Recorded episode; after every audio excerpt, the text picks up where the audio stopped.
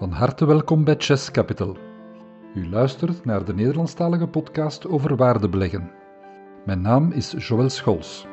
Samen met mijn medeoprichter Sam Hollanders lezen we de boeiendste boeken en volgen voor u de memo's en blogs van de grootste waardebeleggers. Alle afleveringen zijn gebaseerd op teksten die u vindt op onze website www.chesscapital.be. Goedkope aandelen kopen of aandelen goedkoop kopen. Toen Sam me de vraag stelde wat waardebeleggen voor mij eigenlijk betekent en er in één adem de titelvraag aan toevoegde, wist ik meteen dat dit voldoende inspiratie zou opleveren voor een boeiend artikel. Het is een zeer diepgaande vraag die heel wat onderliggende thema's oproept, zoals waar draait het bij waardebeleggen nu eigenlijk om?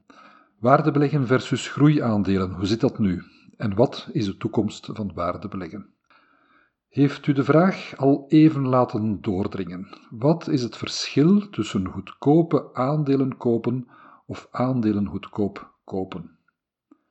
Alles draait hier om de notie van waarde dat een aandeel heeft versus de prijs die je ervoor betaalt. Een goedkoop aandeel impliceert dat het terecht goedkoop is. Goedkope rommel, zeg maar, iets waarvan je niet te veel mag verwachten. Waarom zou het morgen duurder worden? In de benadering aandelen goedkoop kopen zit de notie van onderwaardering. Je koopt een aandeel voor minder dan wat het waard is. Dit subtiele verschil is voor veel beleggers niet altijd even duidelijk. Het is niet omdat een bedrijf halveerde in de beurskoers dat het plots ondergewaardeerd is. Het is niet omdat een bedrijf noteert aan een koers-winstverhouding van 10 dat het ondergewaardeerd is. Het is optisch goedkoop, ja, dat wel. Maar de waarde van het bedrijf, dat kan ook gehalveerd zijn op diezelfde periode. En dan is het nu niet goedkoper dan voor de halvering van de prijs. Goedkope aandelen kopen wordt door sommige waardebeleggers eenvoudigweg ingevuld door ik koop bedrijven met een lage koers-winstverhouding of ik koop bedrijven aan een lage koers-boekwaardeverhouding. Dan ben je goedkope aandelen aan het kopen. Echter, je hebt de intrinsieke waarde niet berekend. En als je dat niet doet, weet je eigenlijk niet of het bedrijf goedkoop is of net te duur. Hoe waarderen? We komen dan onvermijdelijk terug tot de vraag hoe we de waarde van een bedrijf bepalen. De eenvoudige parameters geven een indicatie. Laat ons een bedrijf nemen dat iedereen kent. Was Apple duur in 2013 toen het noteerde aan minder dan 10 keer koerswinst en 3 keer de boekwaarde? Wellicht niet. Is het vandaag duur aan 35 keer koerswinst en bijna 15 keer de boekwaarde? Wellicht wel. Maar die eenvoudige parameters die velen zo graag gebruiken om te zeggen dat ze aan waardebeleggen doen, die zeggen niet alles. Was Kinepolis duur de vorige jaren toen het noteerde aan ongeveer 25 à 30 keer koerswinst? Wellicht wel. Is het vandaag duur aan meer dan 100 keer koerswinst? Misschien ook niet. Was het Franse Esso goedkoop toen ik het aankocht einde 2018 aan een koerswinst van minder dan 3? Zeer zeker niet, dat was een vergissing. De beurskoers is ondertussen 80% gedaald. Te simplistische parameters misleiden ons en geven ons een waan van duur of goedkoop die behoorlijk fout kan zijn. Het doet afbreuk aan het ambacht van waardebeleggen en het zwoegwerk om diep te graven onder de motorkap. Laat het dus een pleidooi zijn om de waarde dan wel te bepalen. En hoe bepalen we de waarde van bedrijven? De intrinsieke waarde van een bedrijf is bepaald door drie eenvoudig te begrijpen factoren. Naar zijn essentie teruggebracht gaat het over 1 kaststromen dat een bedrijf vandaag genereert uit de bestaande activa. 2. De groei van die kaststromen door investeringen in toekomstige activa. En 3. Het risico dat gepaard gaat met elk bedrijf. Elk model dat claimt om een bedrijf te kunnen waarderen zonder enig idee van toekomstige kaststromen te hebben, zonder rekening te houden met de groei, zonder aan te passen voor risico, faalt grandioos, naar onze mening althans, in zijn bedoelingen. Deze drie factoren zijn de basis van het discounted cashflow model. We merken dat beleggers de DCF-methode afdoen als speculatief, want die kaststromen van de toekomst die kan je toch niet kennen, dat is toch maar gokken. Het risico verrekenen, ja, hoe doe je dat? Op welke basis? Zelfs gewoonweg de vrije kaststroom dat een bedrijf vandaag genereert, is een getal dat je niet eenvoudigweg kan aflezen in de tabellen. DCF wordt afgedaan als te moeilijk en te speculatief. Naar onze mening niet terecht. De prijs anderzijds die is bepaald door het sentiment, het sentiment van het moment, het groepsdenken, door de liquiditeit, dus de hoeveelheid kapitaal die beschikbaar is in de markt. Prijs wordt eenvoudigweg bepaald door vraag en aanbod. En door bedrijven te vergelijken met andere bedrijven. En kijk nu eens naar het klassieke gereedschapskistje dat aan de waardebelegger wordt toegeschreven. Koerswinst en koersboekwaardeverhouding, dat zijn pricing tools, geen waarderingstools. Met price earnings, eh, price to book, EV eh, e op EBIT en dergelijke doe je geen waardering. Je doet een pricing. Je prijst het bedrijf. En het is geen flauw spelletje met woorden. Het is wel een warme oproep om bedrijven echt wel degelijk te gaan waarderen in plaats van te prijzen. Bij wijze van voorbeeld geef ik een artikel dat verscheen in de tijd van 30 oktober. Een analist, en ik laat de naam achterwege, want het is helemaal niet relevant in, in dit betoog, verlaagt het koersdoel van Proximus van 23 tot 18 euro. Dat heeft niets te maken, wordt geschreven, met de resultaten van het derde kwartaal, want die waren beter dan verwacht, maar het gebeurt op basis van de lagere waardering van sectorgenoten. Een schoolvoorbeeld van pricing dat niets te maken heeft met de waardering van het bedrijf. Professor Damodoran, een gerenommeerd prof aan de Stern University van New York en specialist in waarderingen, deed onderzoek naar de manier waarop analisten tot een koersdoel komen en slechts 10% daarvan was een echte waardering. De andere 90% een of andere vorm van pricing. Welke factoren bepalen nu de waarde van een bedrijf? De waarde wordt aangevuurd door verschillende factoren die je apart kan gaan onderzoeken. Factoren die invloed hebben op de huidige en toekomstige kaststromen bijvoorbeeld, zoals ten eerste de groei van de omzet, welke is adresseerbare markt, hoe evolueert de vraag naar het product, welk marktaandeel kunnen we bereiken.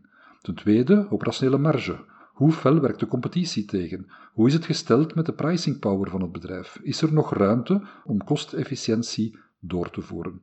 Kunnen we door de groei beter de kosten spreiden en zo de marge verhogen? Ten derde, kapitaalallocatie. Hoe efficiënt herinvesteert het bedrijf de kaststromen? Hoeveel investering is nodig om welke groei te kunnen realiseren? En dan zijn er de factoren die invloed hebben op de discount rate, die op zijn beurt het risico vertaalt. Zoals de risicovrije rente die afhankelijk is van in welke markt het bedrijf zijn producten verkoopt of waar de productiecapaciteit gevestigd is. Want daar heb je een muntfactor van het betreffende land waar de activiteit plaatsvindt. De kost van je kapitaal als aandeelhouder, de opportuniteitskost. Welk rendement eis ik als aandeelhouder? De kost van het geleende geld. Aan welke rente kan het bedrijf geld lenen? Over al deze factoren dien je grondig na te denken als waardebelegger. Verwerk ze in een DCF-berekening en vervolgens pas je enkele scenario's toe die zich kunnen ontrollen in de toekomst en die je elk een percentage kans geeft. Zo kan je ook risico op falen mee verwerken. Typisch werken we voor onze analyses bij Chess Capital met een basisscenario dat de meeste kansen toegewezen krijgt en daarbovenop een pessimistisch en een optimistisch scenario, telkens met een eigen kansberekening. Zo bekom je een intrinsieke waarde waarop je vervolgens een margin of safety, dus een veiligheidsmarge, toepast. Deze heeft enkel als doel om je in te dekken tegen gemaakte fouten of veranderende marktomstandigheden. Het is geen vervangende risicopremie, die zit al verwerkt in je intrinsieke waarde. De margin of safety is een extra veiligheid die je inbouwt tegen totaal onvoorziene zaken of grote fouten. Hoe groot dient die veiligheidsmarge nu te zijn? je kan twee soorten fouten maken. Je kan een te kleine veiligheidsmarge nemen, dat is zoals rijden met de wagen en de neus tegen het stuur, en het kleinste hobbeltje in de weg kan je gebroken neus opleveren. Of je kan een te grote veiligheidsmarge nemen en dan zal je heel wat aandelen uitsluiten van selectie en koop je uiteindelijk misschien zelfs niets. Professor eh, Damadoran, die we al genoemd hebben, uh, ja, dat is een geweldige professor die zijn MBA-cursus trouwens met video's en handouts volledig gratis online zet. Die man is niet alleen inhoudelijk sterk, maar kan het ook helder uitleggen. En op sociale media heeft hij trouwens al de bijnaam Dean of Valuation gekregen. Wel, die man stelt een matrix voor. Die matrix vind je in ons geschreven artikel op de website. Maar even voor een korte toelichting. Het is een matrix met vier vakjes, vrij eenvoudig, die jouw analyse afzet tegenover de werkelijkheid en telkens twee factoren gaat bekijken, ondergewaardeerd versus overgewaardeerd. Eenvoudig is wanneer jouw analyse overeenkomt met de werkelijkheid. Je hebt bepaald dat het ondergewaardeerd is en het is ook ondergewaardeerd, dan doe je een goede koop. Of twee keer overgewaardeerd, dan kan je best verkopen, want dan komt jouw analyse met de werkelijkheid overeen. Maar het zijn de twee andere vakjes die ons interesseren, namelijk wanneer jij gaat tot de slotsom komen dat je een bedrijf geanalyseerd hebt dat overgewaardeerd is, terwijl het in werkelijkheid ondergewaardeerd is, wel dan heb je een vals negatieve. Dan ga je niet kopen, want dan heb je het fout ingeschat. Anderzijds, wanneer, en dat interesseert ons meer, je een vals positieve bekomt, dat is het geval waarbij een bedrijf overgewaardeerd is en jij denkt dat het ondergewaardeerd is, dan heb je dus die vals positieve en dan loop je het grootste risico. En die willen we natuurlijk vermijden. En dat is de reden van die veiligheidsmarge, dat is het vermijden van die vals positieven. Het is duidelijk dat we die kunnen vermijden en zo op die manier het downside risico zo klein mogelijk houden. Buffett die drukt het zo uit: regel 1 verlies geen geld, regel 2 vergeet nooit regel 1. Anderzijds kunnen we nooit aandelen kopen als we te gierig zijn, dus als we te veel veiligheid inbouwen. Je kan een vliegtuig ook zodanig verstevigen dat het nooit zal kunnen opstijgen. Bekijk dus je portefeuille, de marktomstandigheden en verscherp of verruim je margin of safety in functie van de marktomstandigheden. Ik wil nog iets vertellen over de boekwaarde en de netto-winst. Nog de boekwaarde, nog de netto-winst spelen een rol in het discounted cashflow model, maar als pricingmethode worden ze wel continu gebruikt. Weet dan dat ze risico's inhouden indien je ze op die manier gebruikt. De boekwaarde is niet meer wat ze was in de tijd van Benjamin Graham, de man die 80 jaar geleden iedereen leerde wat value investing was. Toen was de boekwaarde nog echt een tastbaar gegeven. Voor hoeveel staan die gebouwen en die machines effectief in de boeken van het bedrijf? Dat was een belangrijke vraag. De boekhouding van bedrijven weerspiegelt de dag van vandaag nog steeds die oude manier van denken. De echte waarde van bedrijven zit echter meestal in patenten dat het ontwikkelde, het eh, RD-gebeuren dat pas binnen een aantal jaar geld gaat opbrengen, opleiding en kennis die in het bedrijf aanwezig is, maar die niet geactiveerd wordt op de balans. R&D en andere investeringen worden dikwijls in het jaar zelf in kost genomen, wat verklaart dat de netto-winst van techbedrijven relatief laag is en de boekhoudkundige waarde eveneens laag blijft. De kans is dus zeer groot dat door enkel te kijken naar de balans en de jaarrekening, zonder het verhaal van het bedrijf te kennen, en zonder de cijfers te corrigeren naar een cijfer dat beter de realiteit weerspiegelt, dat je dan verblind wordt door onrealistische gegevens, dus te lage winsten en te lage boekwaardes. Even terzijde, hetzelfde verhaal geldt trouwens voor alle off-balance verplichtingen, zoals huurcontracten. Die worden sinds 2019 eindelijk als financiële schulden bekeken in de IFRS 16 boekhoudregels. Dus verschiet niet wanneer je een bedrijf analyseert, zoals een retailer, die dan plots een schuldenlast stijl ziet stijgen in 2019. Ga eventjes dieper kijken. Een goede zaak is dat die huurcontracten nu eindelijk wel in de boekhouding zichtbaar zijn, zoals gezegd vanaf 2019. En wat met groeibedrijven? Wat met de tegenstelling value versus growth? Het eenvoudige antwoord is dat die tegenstelling eigenlijk niet bestaat. Het DCF-model kan je op elk bedrijf toepassen. In elke fase van zijn levensloop, groei of value zijn eigenlijk foute tegenstellingen. In het artikel op de website vindt u ook weer een schema hier dat de groeifases van een bedrijf weergeeft, van uh, een jonge groeier naar een, een matuur bedrijf. En als je dat gaat bekijken, dan zie je dus dat ja, die, verschillende fases kan gaan onderverdelen. Dat je een opstartperiode hebt met sterke groei en veel onzekerheid, waar de kost van financiering groot is, en dan neem je in verhouding daarmee een hoge discount rate in je DCF-berekening. En dan ga je in de mogelijkheden ook falen gaan voorzien. In de maturiteitsperiode moet het bedrijf zichzelf heruitvinden. In het beste geval kan het dan stabiel blijven groeien of groeien aan het marktritme dat ultiem naar het uh, groeiritme van het bruto binnenlands product gaat evolueren. Of het herinvesteert in nieuwe markten en producten en dan kan het terug een nieuwe levenscyclus beginnen. Dat kan je allemaal verwerken in DCF-berekeningen. Maar dat vraagt wat moeite en kennis om het bedrijf goed te begrijpen. Vermijd de onzekerheid van het jonge groeibedrijf niet, maar verwerk het inherent in je model. Deze manier van kijken stelt heel duidelijk dat er eigenlijk geen verschil is in het waarderingsmechanisme tussen een zogenaamd goedkoop value-bedrijf en anderzijds een duur groeibedrijf. Sommige groeibedrijven kunnen effectief ondergewaardeerd zijn, zoals Apple in 2013. En sommige lage price-earnings bedrijven, zoals Esso, waren de voorbije jaren sterk overgewaardeerd. Allemaal factoren die je in het DCF-model kan verwerken. Wil je iets meer voeling krijgen met hoe zo'n DCF-model heel praktisch werkt, dan kan je even de podcast 17 gaan herbeluisteren, die expliciet gaat over DCF en het sentiment van koeien die geprijsd worden op de koeienmarkt. Prijs en waarde worden hier nogal plastisch belicht.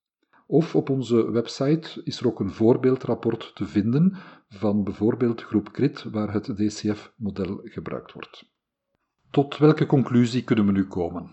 De eenvoudige titelvraag zet ons aan tot nadenken over hoe waardebeleggers omgaan met een nieuwe realiteit.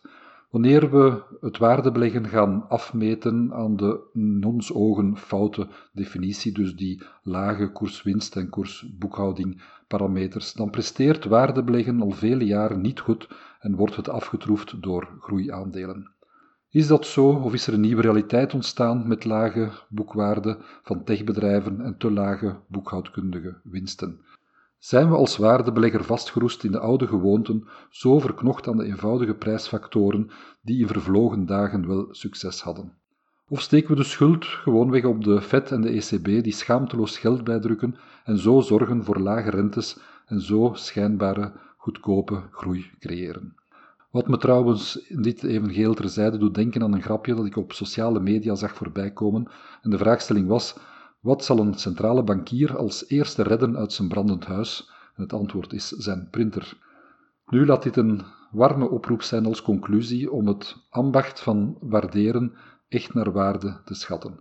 Weinigen doen het, maar wie het doet en dat lange tijd consequent volhoudt, zal op termijn er ook effectief beter van worden. En als we echt verder durven kijken dan die simpele multiples en echt gaan kijken naar het waarderen van het bedrijf, dan is waardebeleggen nog steeds anno 2020 springlevend. En de reden waarom is precies dezelfde als in de tijd van Graham. Het is heel veel werk en slechts enkelen zijn bereid dit werk te doen. Dat is tenminste onze overtuiging. Zo hiermee sluit ik deze podcast af van dit iets of wat filosofisch inspirerend artikel en hoop ik jullie terug te horen en zien bij onze volgende, en dat is de maandbrief van december. Tot binnenkort.